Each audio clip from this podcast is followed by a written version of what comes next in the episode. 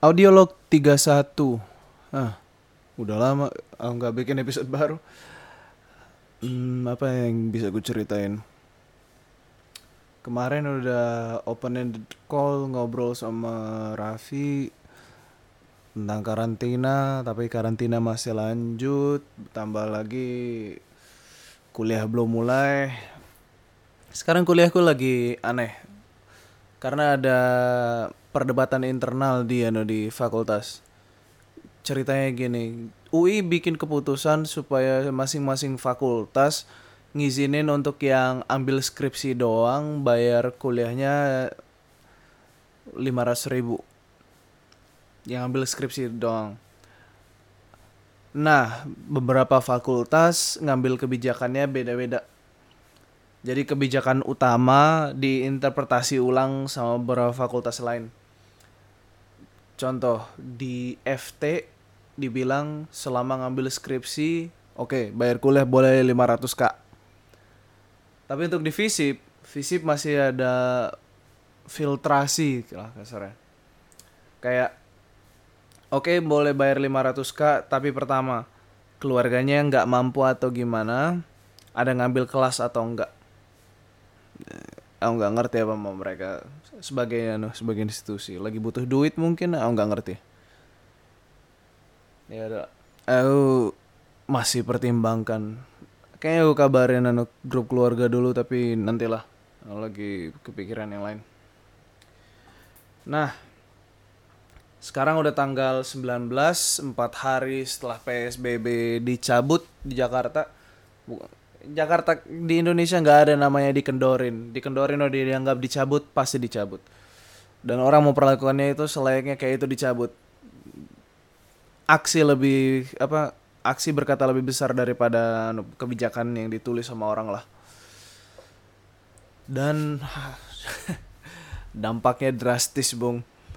Bayangin coba selama tiga bulan uh, eh, PSBB berlaku, eh enggak, PSBB PSBB berlaku sebulan doang. Cuma selama insiden COVID selama satu bulan full. Maaf, sendawa. uh, Bung. Selama satu bulan penuh, langit Jakarta full biru gara-gara dikit mobil yang lewat. Walaupun masih ada yang usil, ketemu-ketemuan, cari-cari apa kumpul di kafe, warteg. Sempat ada rencana juga orang mau bi kalau nggak salah Cineplex mau bikin ini kayak apa sih apa sih sebutannya yang dulu itu? Uh, yang mobil sama um, bioskop parking theater kah atau apa? Uh, lupa. Pokoknya sempat ada mau dibuat kayak gitu nggak tahu jadi atau enggak baru samping itu juga ada gara-gara event uh, kalau nggak salah konser gitu jadi orang-orang grab dia alihkan ke sana kita sempat kecarian grab sampai jam 12 malam tapi akhirnya dapat Nah, sekarang tanggal 15 sampai PSBB benar-benar cabut. Dalam hitungan 4 jam, langit langsung jadi anu. Langit langsung jadi abu-abu. Kayak bahkan di gelap malam pun coklatnya kelihatan banget. Abu-abu apa? Bahasanya abu-abu hangat. Walaupun udaranya nggak begitu hangat sih. Secara teknis hangat tapi itu apa? It's killing you slowly. Nah, selama PSBB mulai kendor juga sebelum tanggal 15 aku usil mau apa olahraga di anu kan di Jakarta dan kebiasaanku olahraga ya jalan kaki. Aku gobloknya jalan kaki ke Kemang sekalian belanja. Di sana ada Hero. Eh, mau nyari anu uh, apa butter mentega mentega dengan margarin beda oke okay? mentega itu butter margarin margarin dan margarin secara teknis adalah ano lemak sayur beda. Mentega itu lemak susu. Dah. Uh, ya aku jalan kaki sampai Kemang. Pas mau jalan pulang aku kan bukan map di depan Hero. Gobloknya aku pakai headset gak perhatiin jalan atau segala macam. Ada orang bawa motor langsung apa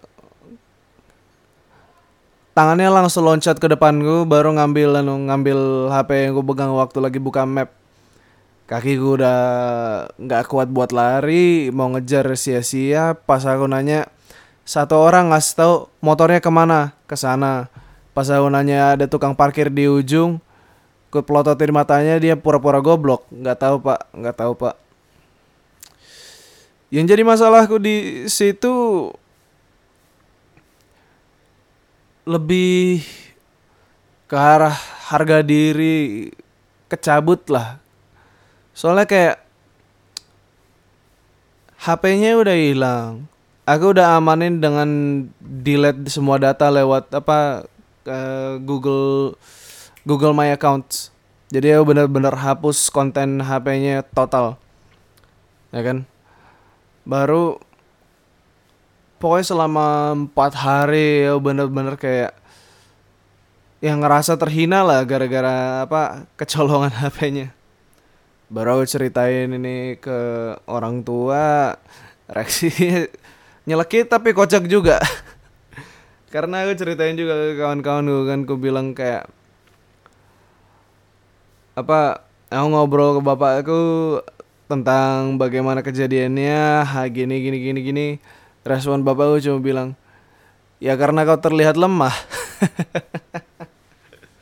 Eh, sakit cok eh. tapi akhirnya coba cari alternatif. Uh, untung Raffi apa berbaik hati ya. Aku kontak dia lewat karena salah satunya terlewat apa line doang yang bisa diakses lewat komputer. Kontak line baru uh, apa um, ya aku bilang ah boleh pinjam HP kau nggak dia bilang oke okay, kita ketemuan di Grafari sekalian aku apa um, minta nomorku balik dari ano dari Grafari bikin ceri aku ceritain sesuai dengan apa yang terjadi kayak apa yang terjadi HP gue jambret pengen ngamanin nomor karena WA-nya penting bla bla bla bla lah. Pas aku datang apa pas aku datang ke sana uh, mereka bilang kayak oke okay, biar kami bantu begini begini begini biayanya dua puluh lima ribu dah selesai. Kita balik ke anu ke tempat awal masing-masing. Nah semenjak itu aku langsung bikin catatan ke diri sendiri kayak kalau misalnya mau jalan keluar ke tempat yang tidak aku ketahui mending aku bikin daftar aja dah.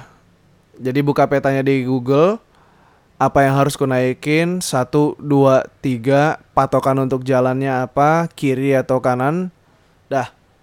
Pakai itu aja untuk oh, no, mengakses uh, ya tempat yang gak aku ketahui kalau misalnya belum kalau belum pernah ke sana atau belum hafal? Yes, itu anu refleksi. Tambah lagi juga sekarang lagi nunggu sama apa kabar dari kawanku Pasya aku punya ada HP Samsung S3 itu udah bahenol banget dari pertengahan kelas 1 SMA. Aku minta tolong dia apa oh, kok Bahenol sih? Bahala. Nah aku minta tolong dia bisa upgradein nggak? Uh, naikin OS-nya ke Marshmallow kayak biar bisa apa pindahin memory cardnya. Jadiin memory cardnya memori internal baru pakai download untuk Gojek, Grab, DLL biar bisa anu transportasi paling paling penting gitu line transport WhatsApp. Dah tiga itu aja pakai HP mungil itu harusnya bisa kan? Nah masih belum ada update jadi ya udahlah. Terima-terima aja. Um, apalagi yang ku tulis di daftar ini apa harus ngomongin ah keluar-keluar untuk interaksi. Ya semenjak PSBB dicabut juga kita akhir-akhir ini jadi mulai sering apa keluar lah biar bisa interaksi. Karena lama-lama gila kalau misalnya kamu cuma duduk doang di apartemen. Kayak iya aku tiga tahun udah terbiasa cuma duduk sendiri di sini nggak ada yang diajak ngobrol. Palingan teleponan sama mawar di anu yang lagi kuliah di Bandung. Sekarang dia lagi di Medan bareng keluarganya. Baru sisanya aku cuma diam aja sama nikmatin TV kalau nggak TV YouTube tidur siang nontonin mimpi doang. Baru apa kek anime baca komik. Baca berita kadang-kadang tapi andaikan berita bisa dia jadi novel itu mungkin lebih menarik. Soalnya drama di Indo drama politik Indonesia itu lebih kocak dan lebih seru daripada drama di Indonesia atau di RCTI jadi kayak gitulah nah PSBB udah kendor ayo jalan-jalan ke temu teman kita janjian kayak ada Aku sendiri sebenarnya nggak masalah dengan tempat-tempat yang mereka sering hangout, tapi mereka kecuali aku anak-anak vape. Jadi ya cuma datang aja ke sana, ketemu, ngobrol, mereka nikmatin apa rasa-rasa baru dari vape. Aku cuma datang dengan aku nggak tahu satu kotak ultra milk atau ichiocha kayak gitu. Ya. Gara-gara aku sendiri jujur aku nyoba vape tapi nggak masuk ke dalam paru-paru. Cuma kayak di lidah baru hembus keluar baru kayak mending aku beli jus buah daripada pakai vape. Gimana ya? Nggak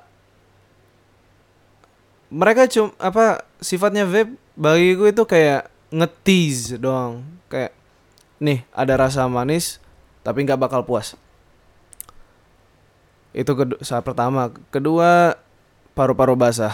Aku dulu pernah tambah lagi di apa aku sering begadang waktu SMA dan itu Magelang kayak lima gunung satu bangunan embunnya kepatok di satu tempat semua bayangin coba bayangin kamu lari jam 4 pagi dan udaranya itu air. Bukan uap air tapi udaranya bener-bener air. Kau tahu berapa isi volume di paru-paru gue sekarang? Bahkan aku sekarang kalau misalnya di Jakarta lari pagi, eh enggak, lari sore, baru setelah lari berhenti, aku bisa ngerasain air dalam paru-paru itu mendidih, kayak tek tek tek tek tek tek tek tek. Sama kayak si Pasha. Pasha kan waktu kalau dia udah lama masih karena tinggal di Bandung.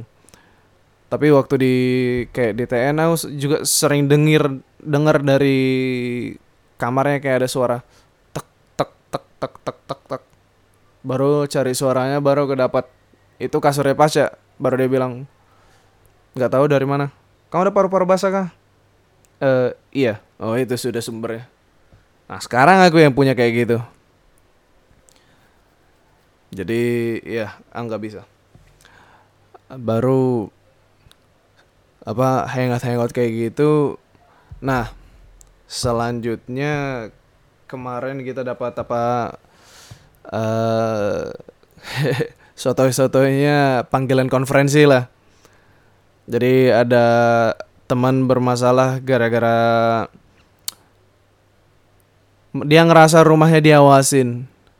Soalnya gini, ada dua orang cewek uh, apa sih pura-pura apa pura-pura bilang kalau ada surat diantar ke rumahnya dia. Baru um, nama katanya surat asuransi. Baru sebut nama pemilik rumah eh, apa? Baru sebut nama kawanku. Ya kan? Nah yang jadi masalah dari sisi kawanku dia belum pernah ada nemu dokumen kayak gitu.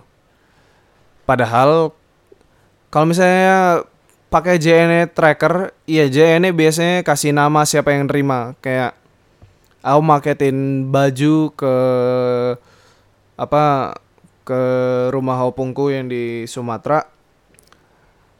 Pas sampai di rumah nanti JNE tulis siapa yang nerima. Oke lah. Nah yang jadi masalah temanku sendiri nggak pernah nerima dokumen apa-apa. Apalagi asuransi. Tambah lagi dia cuma punya UKM nah UKM kan sepaham gue sih. UKM kan di cover asuransi. Terus kenapa ada yang ngaku-ngaku ngirim asuransi? Gara-gara itu kayak kita dengar lagi ceritanya setelah dia ngusir apa dua perempuan yang sok tahu itu ada orang bawa sepeda kayak ngeliling ngitarin rumahnya dia kayak ngawasin ya kan? Akhirnya kayak kita tawarin mau kita bantu awasin nggak? Jadi ya kita datang nah yang pas datang beneran kita dapat rumahnya ada yang ngawasin. Gara-gara waktu kita datang berdiri di depan pagar dua motor lewat melototin kita berdua bagaimana aku tahu itu melototin kita berdua? Karena gini kalau misalnya apa kalian bawa motor baru kalian ngadep ke sebuah jalan yang kalian pingin scan atau pindah ya leher leher kalian nggak mungkin gerak. Kalian cuma ngadap ke kiri atau ngadap ke kanan baru apa uh, statis. Badannya tetap berjalan maju tapi kepalanya bakal tetap statis yang ini enggak. Aku cuma pelototin helmnya apa ya badannya maju dan helmnya tetap dipatokin untuk ngelirik ke aku sama kawanku. Karena dua orang yang nawarin anu nawarin kayak mau kita bantu nggak kayak gitu. Ya dengan penuh kekecewaan mereka cabut rencananya.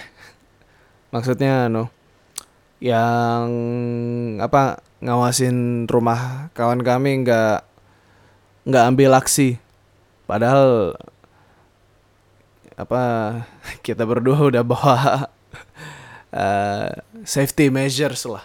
Kita sebutnya kayak gitu safety measures. Jadi aman. Yang paling kocak waktu aku berangkat ke tempatnya kawan gue aku bilang aku cerita ke apa aku aku kasih tau mak ya, ibu kalau apa aku ke tempat teman ya. Biasanya dari apa reaksi kawan-kawanku biasanya kayak what your mother say. Ma, apa mau bilang apa bla bla bla bla bla. Aku bilang dia cuma nanya aku udah main pro, apa aku udah menuhin protokol belum maksudnya protokol? Ya pakai masker cuci tangan.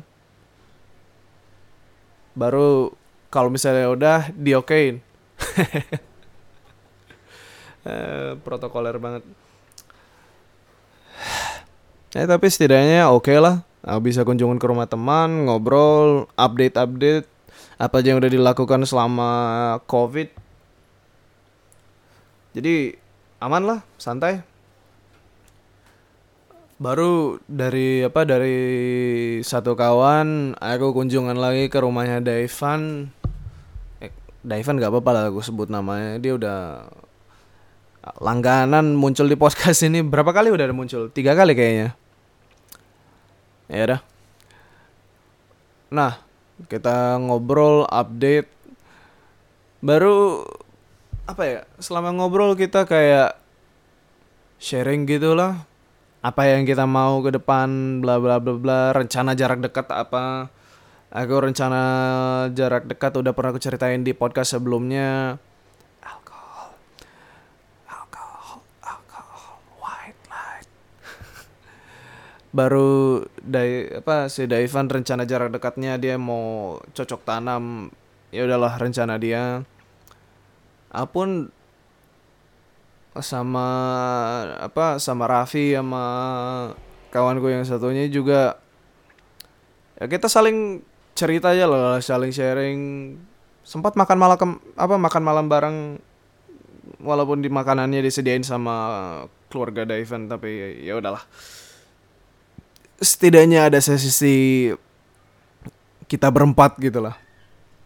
Sesi uh, no homo no gay shit just intimate moment that's it baru um ya yeah.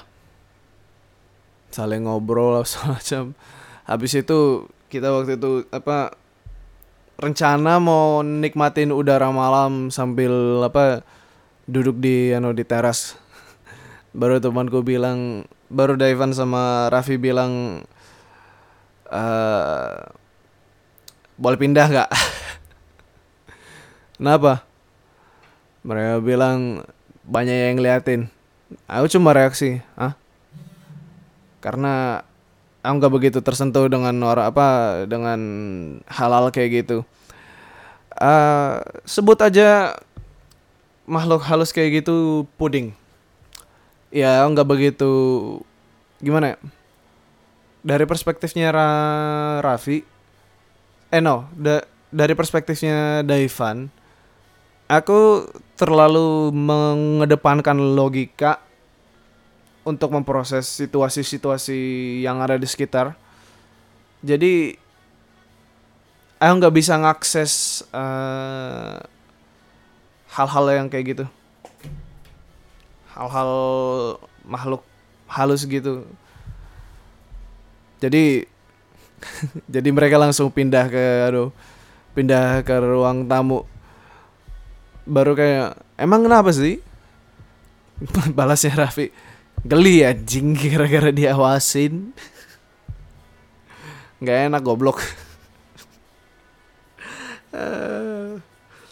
Reaksi-reaksi dia itu the best.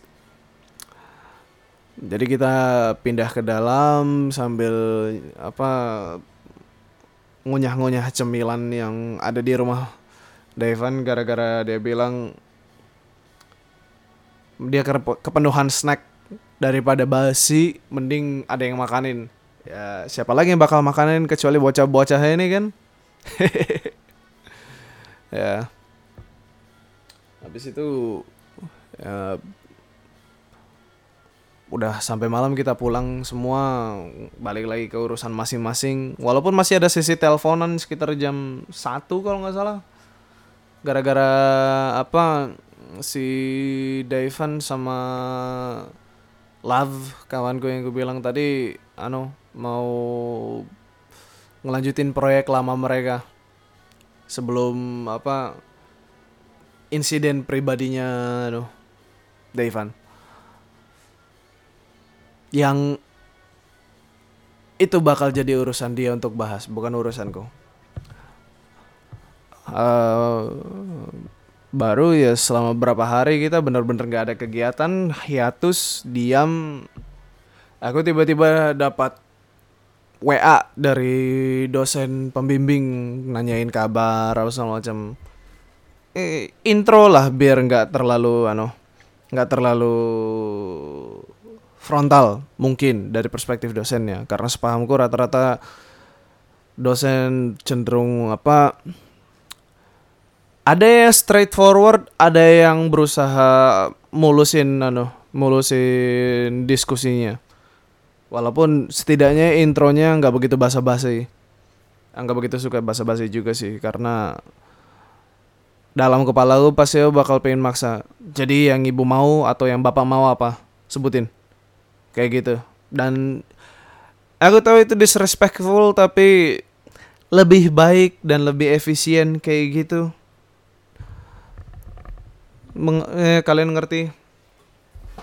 Uh, baru dosenku bilang kayak um, sampai mana udah? Nah aku bilang dari materi yang aku baca berakhirnya galau. Karena gini dari materi yang aku baca materi ini lebih ngarahin ke topik namanya moral licensing jadi orang dapat izin moral untuk melakukan um, hal yang tidak etis. Jadi rantainya yang ku dapat itu moral licensing berakhir menjadi unethical prosocial behavior. Itu yang pengen difokusin sama dosenku, yang unethical prosocial behavior. Jadi kayak aku ngelihatnya um, apa sih cause and effect lebih ngarah dari satu poin ke poin yang lain. Moral licensing berakhir menjadi UPB, unethical prosocial behavior. Tapi dosennya pengen aku fokus ke unethical prosocial behavior, baru cause and effect apa baru lebih bersifat konfirmasi ada atau enggak. Kayak gitu. Lebih ngarah ke situ dosennya. Jadi aku bilang ke dia aku galau. Nah konsep ini ku cerita apa salah. Pas-pasan aku dapat chat itu dan udah ngebahas dengan dosennya jam jam 5 sore kalau nggak salah atau jam 6 malam. Eh salah salah salah, salah. sekitar jam jam 10 habis makan malam. Daivan Laville bikin grup call. Kita teleponan balik. Mereka pengen bahas proyeknya baru nanya ide ke kita. Aku langsung kasih ide ya aku bisa. Baru aku lanjut cerita kayak dosenku nanyain perkembangannya perkembangan nano skripsi. Reaksinya si Laville bilang kayak aku ceritain kalau dosenku bilang galau itu baik reaksinya Laville that means she knows that you're not stupid.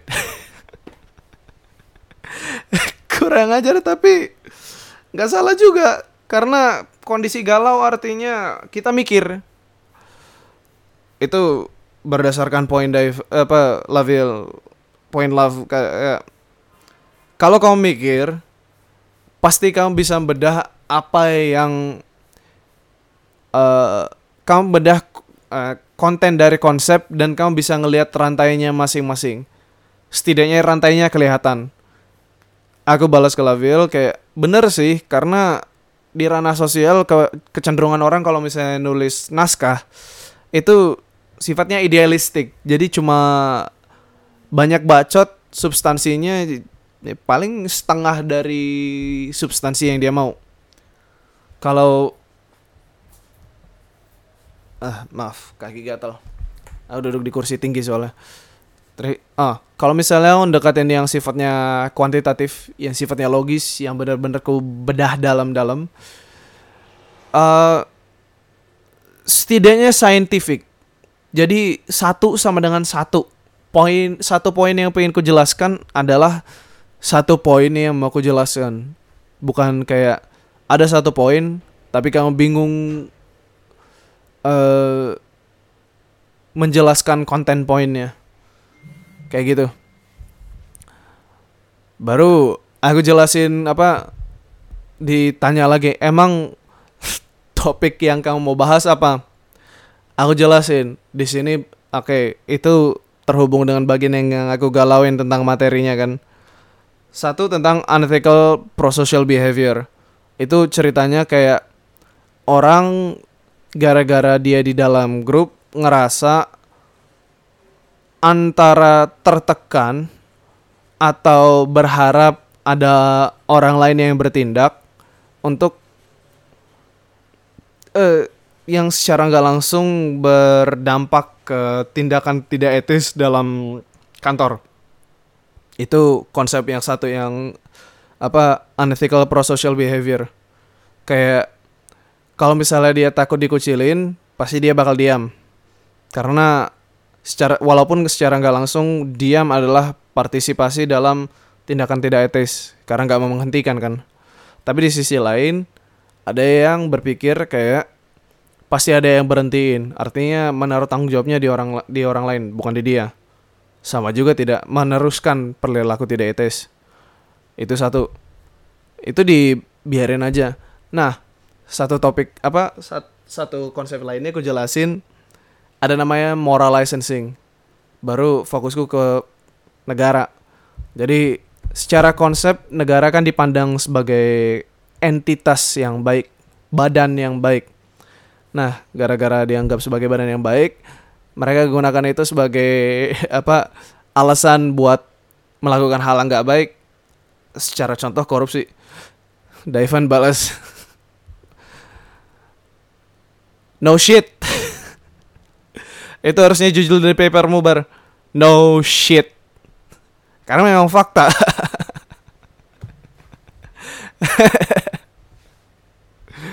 Eh, baru pikirin kayak kalau misalnya ngarah ke situ bisa gue buat no, judulnya no shit. Tapi aku masih anu masih eksplorasi lagi. Karena sampai untuk saat ini aku sendiri masih kurang paham tentang unethical pro-social behavior.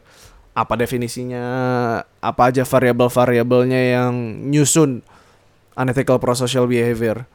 Apakah ras takut sosialisasi atau apa belum tahu. Karena dari materi yang dikasih sama dosen gue aku dapatnya moral licensing semua jadi gimana mau bedah asem eh, gitu. Banyak sekali sih. Uh, baru di apa akhirnya ya kayak gitu kita apa pamit semua perlu tidur siang atau apa. Eh enggak udah jam waktu itu kita ngobrol sampai jam 12 jadi kita pada bubar semua. Ya udah tidur. Nggak ada yang dikerjain lagi. Ya udah. Kayak sampai itu aja ceritanya karena kalaupun aku ada topik yang dibahas mungkin itu pun setengah-setengah kayak karena apa aku jarang perhatiin anu perhatiin apa yang terjadi di dunia. Itu agak ironis karena kriminologi tapi gitulah. Satu-satunya berita yang ku dapat kemarin paling cuma yang anu yang ada orang di Facebook upload guyunnya Gus Dur karena Gus Dur yang bikin guyunnya loh.